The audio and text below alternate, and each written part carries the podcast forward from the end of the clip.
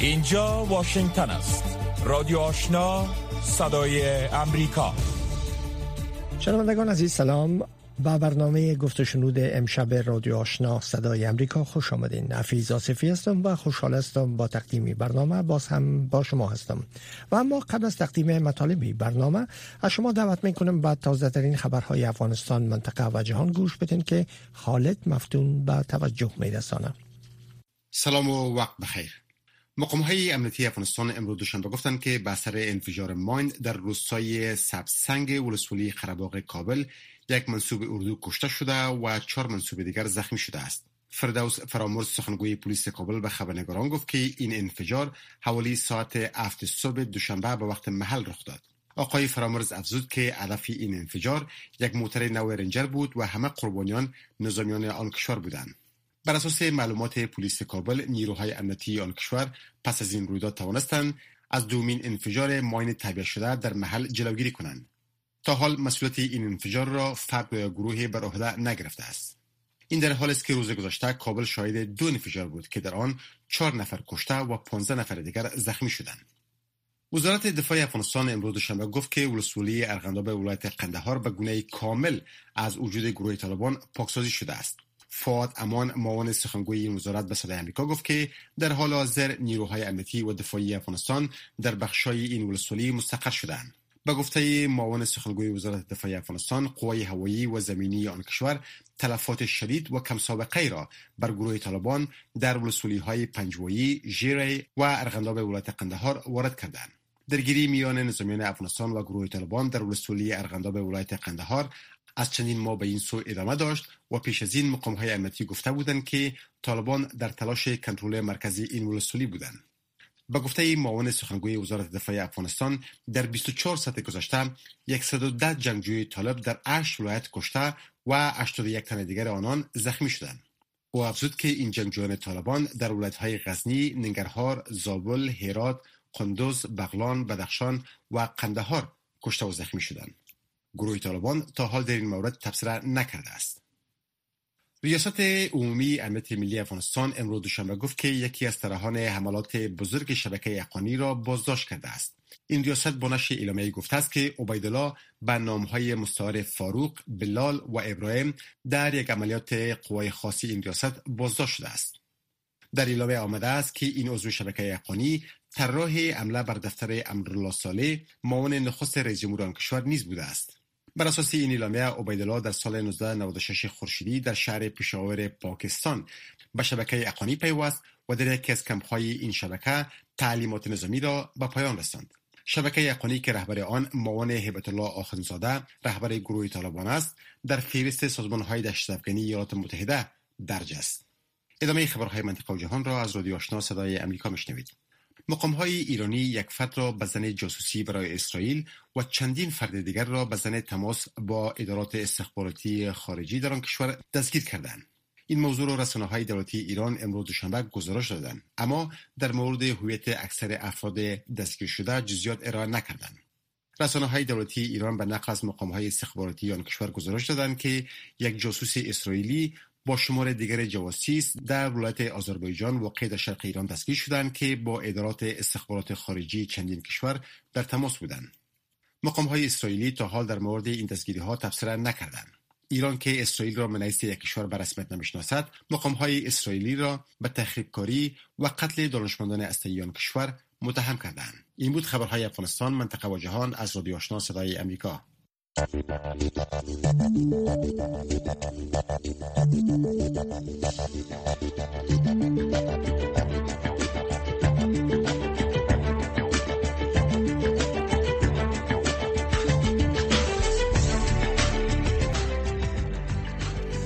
خبرهای افغانستان منطقه و جهان از رادیو آشنا صدای امریکا شنیدین. حال هم توجه کنین و ای برنامه گفت شنود نشست استانبول تا دو هفته دیگر برای دستیابی به صلح افغانستان برگزار میشم. گفته میشه که قرار است رئیس جمهور افغانستان یک طرح سه مرحله ای را در نشست استانبول ارائه کنه. در برنامه گفت شنود امشب در رابطه به که آیا نشست استانبول به یک نتیجه خواهد رسید و همچنانی که آیا طرح یک دولت موقتی یا انتقالی آخرین راه است در این برنامه صحبت می‌کنیم. مهمان برنامه آقای لیاقت علی امینی تحلیلگر مسائل سیاسی هستند. جناب آقای امینی بینایت تشکر از وقت شما. رقمی که آگاهی دارین تا دو هفته دیگه نشست استانبول بر صلح افغانستان برگزار میشه. در آغاز من می‌خواستم نظر شما را در رابطه به این نشست آیا این یک نشست خواهد بود که واقعا به یک نتیجه خواهند رسید؟ آیا پافشاری کشورهای منطقه و ایالات متحده بر چیز؟ چرا می‌خوان که این نشست حتما به یک نتیجه برسن؟ سلام عرض می‌کنم حضور شما همکاران گرامی. بله نشسته که تا دو هفته دیگه برگزار میشه. فعلا سر و صدای رسانهشان بسیار زیاده هست. و همین مسئله هم باعث شده که مردم افغانستان تا حد امیدوارتر به آمدن یک صلح و ثبات در افغانستان شود. اما آنچه که به نظر می‌رسه تا هنوز هم متاسفانه یک سلسله جنجال ها و مشکلاتی هست که آیا واقعا این نشست می‌تونه در واقع یک نشست پایان بحران چندین دهه در افغانستان باشه یا نه خب به یک نشست معطوف و نشست های قبلی هست. و یک موضوع است که تا هنوز مشکلاتش وجود داره و مردم و مخصوصا حلقات سیاسی احساس می‌کنن که تا هنوز خیلی جای امیدواری نیست. شما در جریان هستین که تا هنوز نشست هایی که تحت عنوان نشست های افغانی در قطر برگزار شده هیچ نوع نزدیکی میان دولت افغانستان یا حکومت افغانستان و گروه طالبان به وجود نیامده. نه تنها این نزدیکی بین دو جریان مخالف به وجود نیامده بلکه باعث ازی شده که جنگ در افغانستان متاسفانه بسیار به صورت به سابقه گسترش پیدا بکنه و عملیات های انتحاری و انفجاری و کشتارهای مردم به شکل به سابقه جریان پیدا بکنه یکی از مسائلی که می‌خواستم امیجا مذرت می‌خوایم آقای امینی گپ شما را قطع کردم.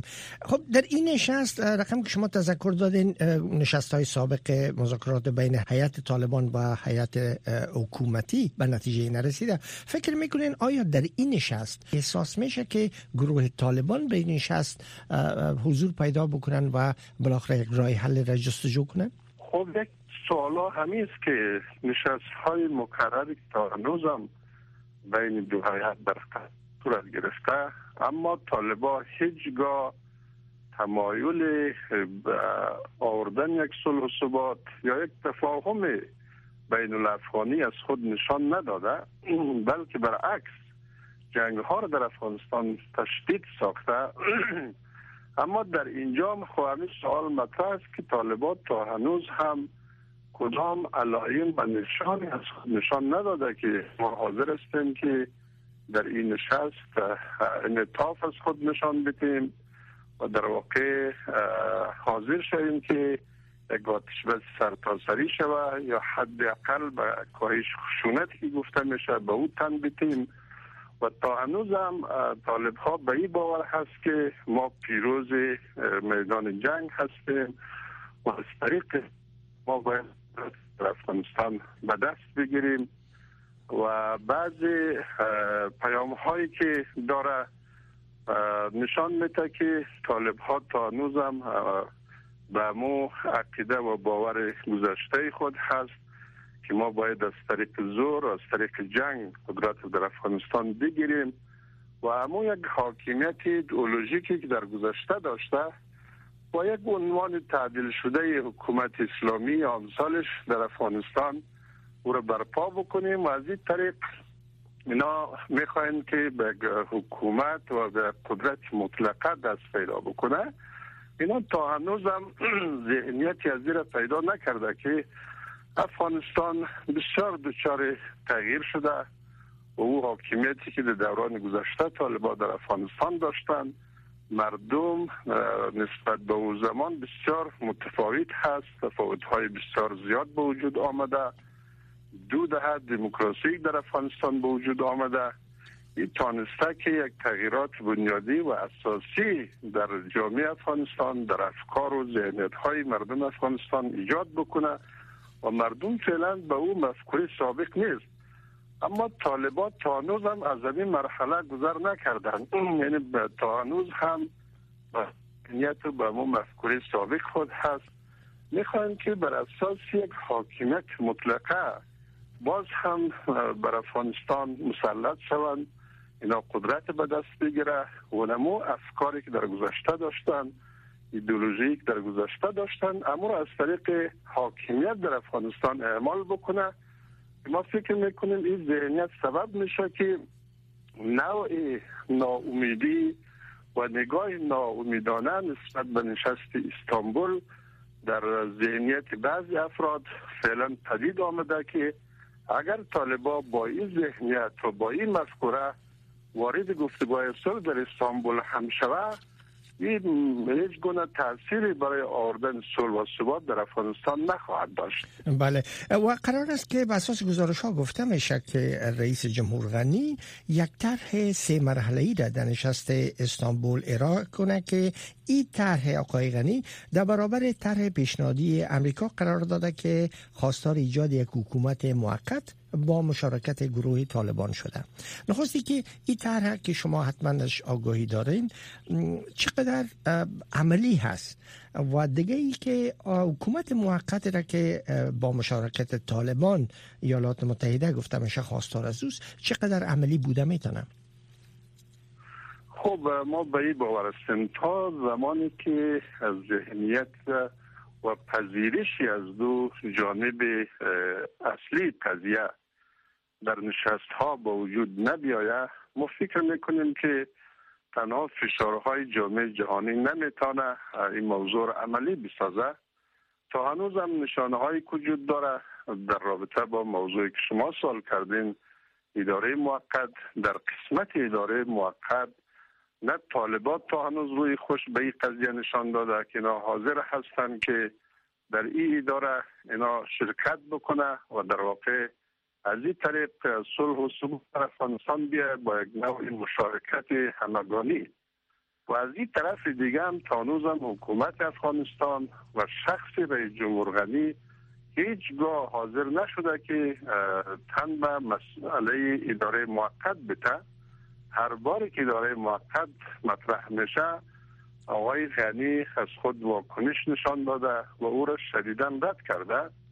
موضوع انتخابات زود هنگام یکی از واکنش های جدی رئیس جمهور است که بار بار گفته که ما حاضر نیستیم که حکومت را مثل دوران نجیب و شخص دکتر نجیب به او شکل واگذار بکنیم که او می‌تونه برای افغانستان و تاریخ آینده یک فاجعه باشد و فاجعه بار باشد. بنابراین ما حاضر هستیم که حکومت را و قدرت را در شخص منتخب واگذار بکنیم. این یعنی تا هم آقای غنی و حکومت حاضر نشدن که اداره موقت بپذیره دیده میشه. بله. هر دو جانب قضیه تا هنوزم به این نتیجه نرسیدن که اداره موقت می‌تونه سازگار برای مشکلات افغانستان یا حل مشکلات افغانستان باشه. و انتخابات زود هنگام رقمی که آقای غنی او را پیشنهاد کرده و یکی از در امی طرح سه مرحله ای هم شامل است چقدر عملی هست چقدر افغانستان آمده است که چنین یک انتخابات بر راه بیاندازه و در حالی که طالبان هم اشتراک بکنن؟ این در واقع نوع واکنش به پیشنهادها یا طرح اداره موقت است که حکومت افغانستان و شخص رئیس جمهور غنی نمی‌خواهد که به این آسانی ها و به این زودی ها قدرت رو از دست بده. بیان موضوع طرح انتخابات زودرس یا زود هنگام را پیشنهاد کرده. در حالی که ما می‌دانیم که در افغانستان شرایط برگزاری انتخابات ریاست جمهوری که انتخابات سرتاسری هست فعلا وجود نداره. امروز در بسیاری از ولایات جنگ به شدت جریان داره کشتار جریان داره ناامنی ها جریان داره و از طرف دیگه مردم به هیچ وجه آمادگی نداره که به پای صندوق های رای بره بنابراین این در واقع خود رئیس جمهور هم می‌فهمه و میدانه که این جنبه عملی نداره. اما به عنوان یک طرحی که بتانه یک گزینه برای این داشته باشه که اداره موقت رد بکنه و این گزینه را پیشکش بکنه.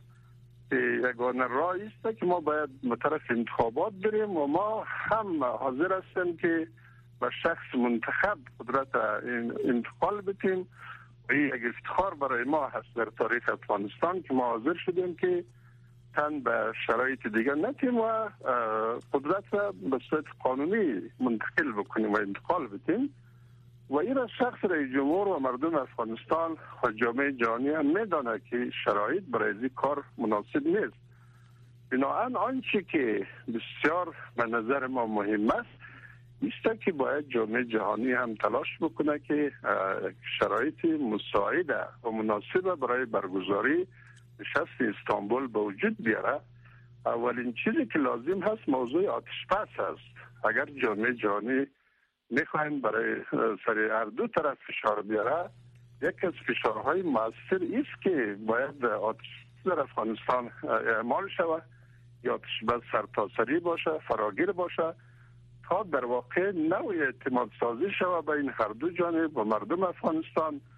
تا مردم در با روحی آرام و ذهن آرام به طرف یک نشستی بره که انتظار میره او می‌تونه صلح و ثبات برای آینده افغانستان به ارمغان بیاره. جناب آقای امینی گفته میشه که آقای غنی طرح خود پیش از پیش با متحدان بین المللی در میان گذاشته. همین طرح سه مرحله ای را اگر قرار باشه که جامعه جهانی هم این طرح قبول بکنن و آمادگی ها را بگیرن برای کمک بر افغانستان جهت برگزاری انتخابات چقدر جامعه جهانی و در رأس ایالات متحده موفق خواهد شدن چنین طرح را بالای طالبان بقبولانند.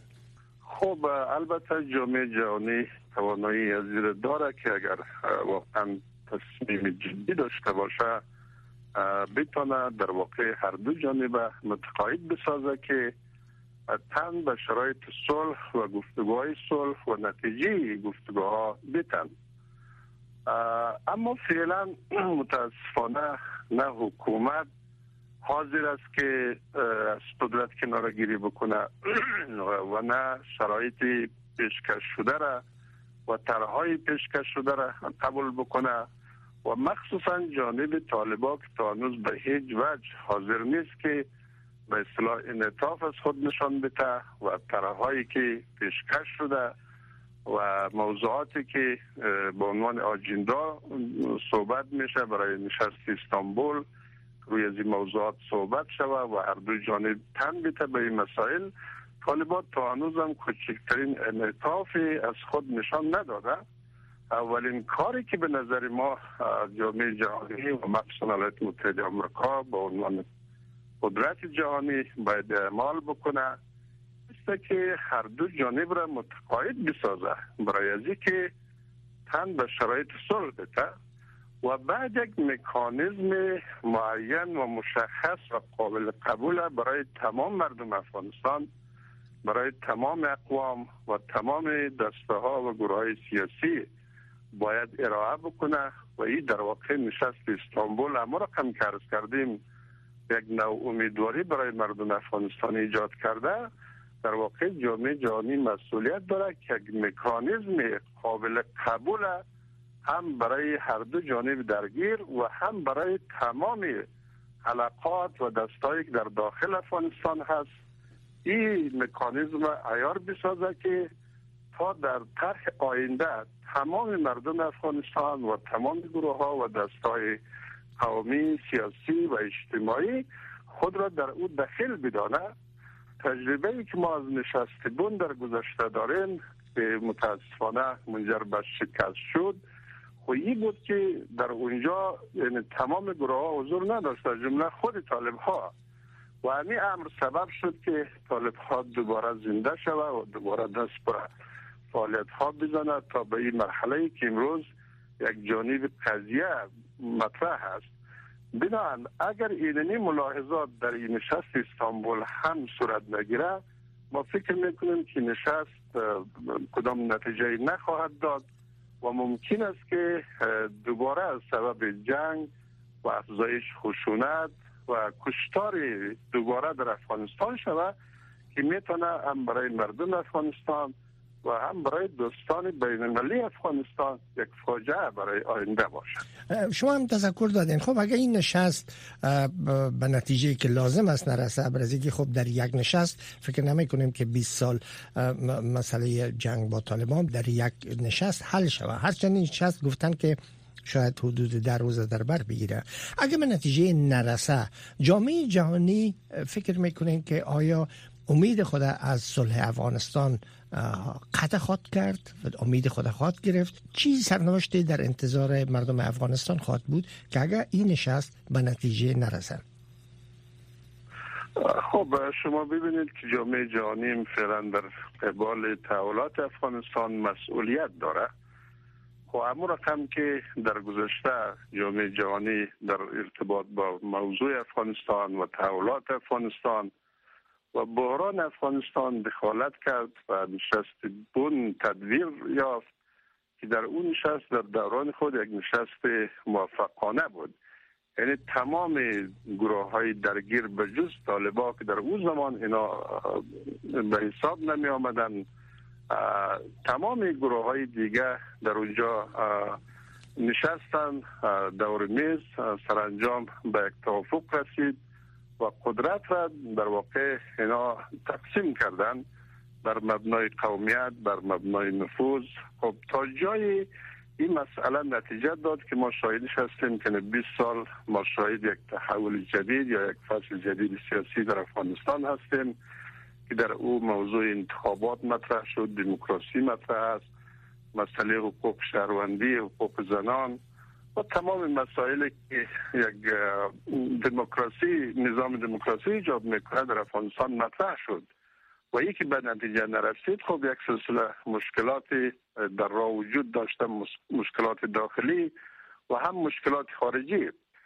بنابراین در این مرحله ما فکر می‌کنیم که جامعه جهانی در رابطه با تحولات افغانستان یعنی مسئولیتی بیشتر از گذشته است به خاطر که جامعه جهانی و در رأس ولایت متحده آمریکا. یعنی 20 سال است که درگیر با تحولات افغانستان هست. یعنی هم در بخش امنیتی و نظامی و هم در بخش سیاسی و خیلی مسائل دیگه.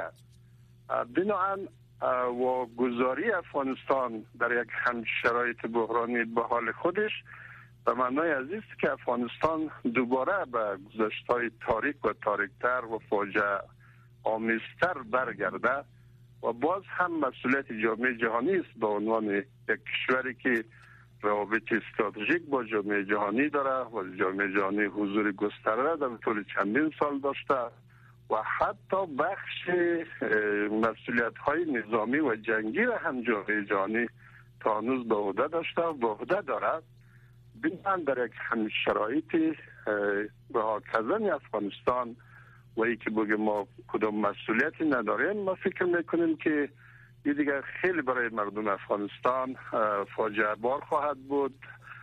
در این مرحله باید جامعه جهانی تلاش بکنه که مشکل افغانستان در شکل باید حل شود و این از لازمیش است که کشورهای منطقه در واقع که دخیل در قضای افغانستان هست و دستشون در سالهای اخیر بیشتر باز شده.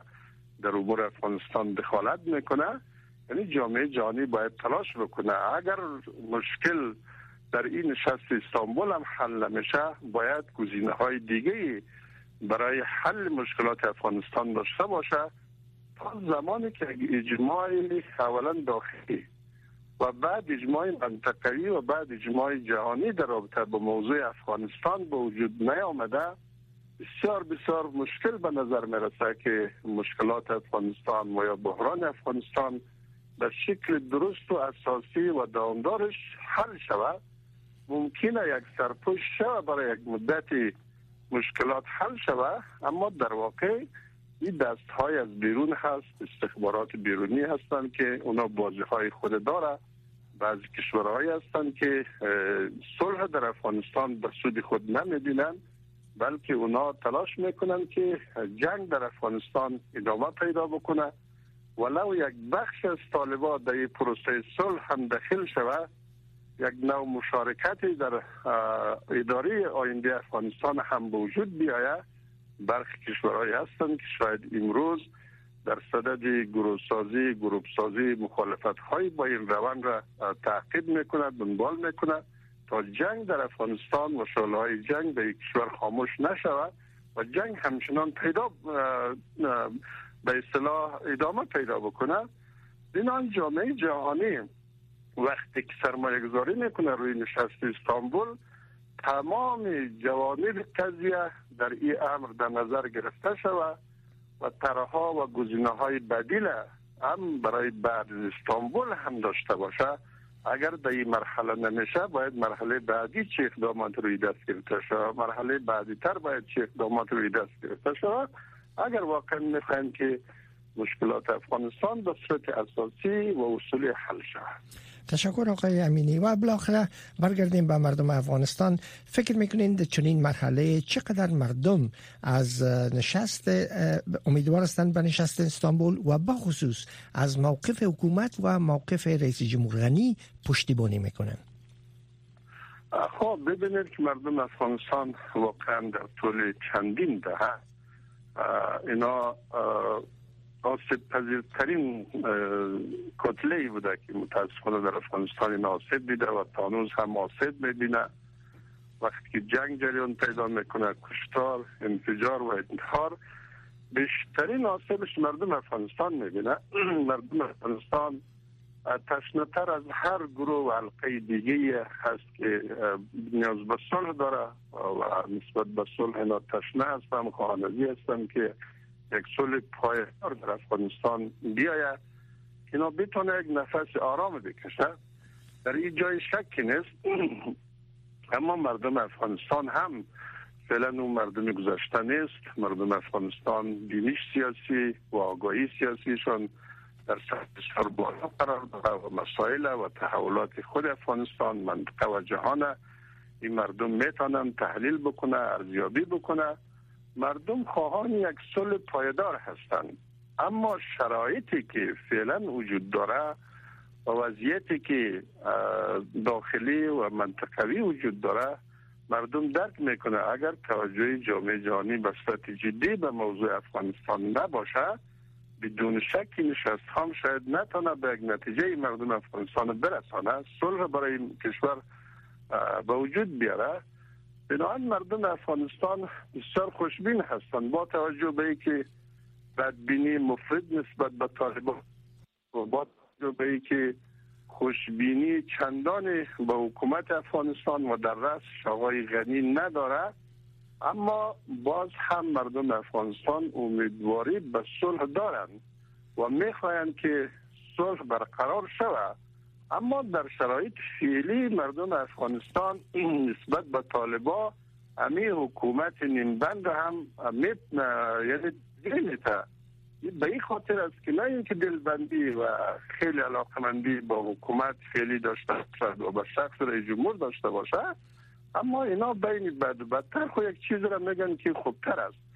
و می‌خواین برای آینده یک حکومت یا یک اداره و یک ساختاری وجود بیا که تمثیل کننده اراده ملی باشه و تمام مردم افغانستان از هر قوم و از هر دسته ای که هستند در اداره افغانستان در ساختار سیاسی آینده افغانستان.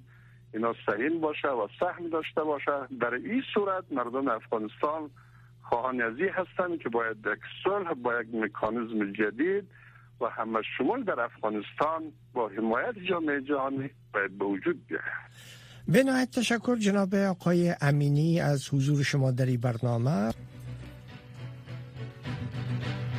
شنوندگان عزیز ای بود داشته های ای برنامه گفت شنود که در همین جا به پایان رسید. تا برنامه بعدی که امیدوار هستم باز هم با شما باشم شب و روز خوشی بر همه شما آرزو می‌کنم.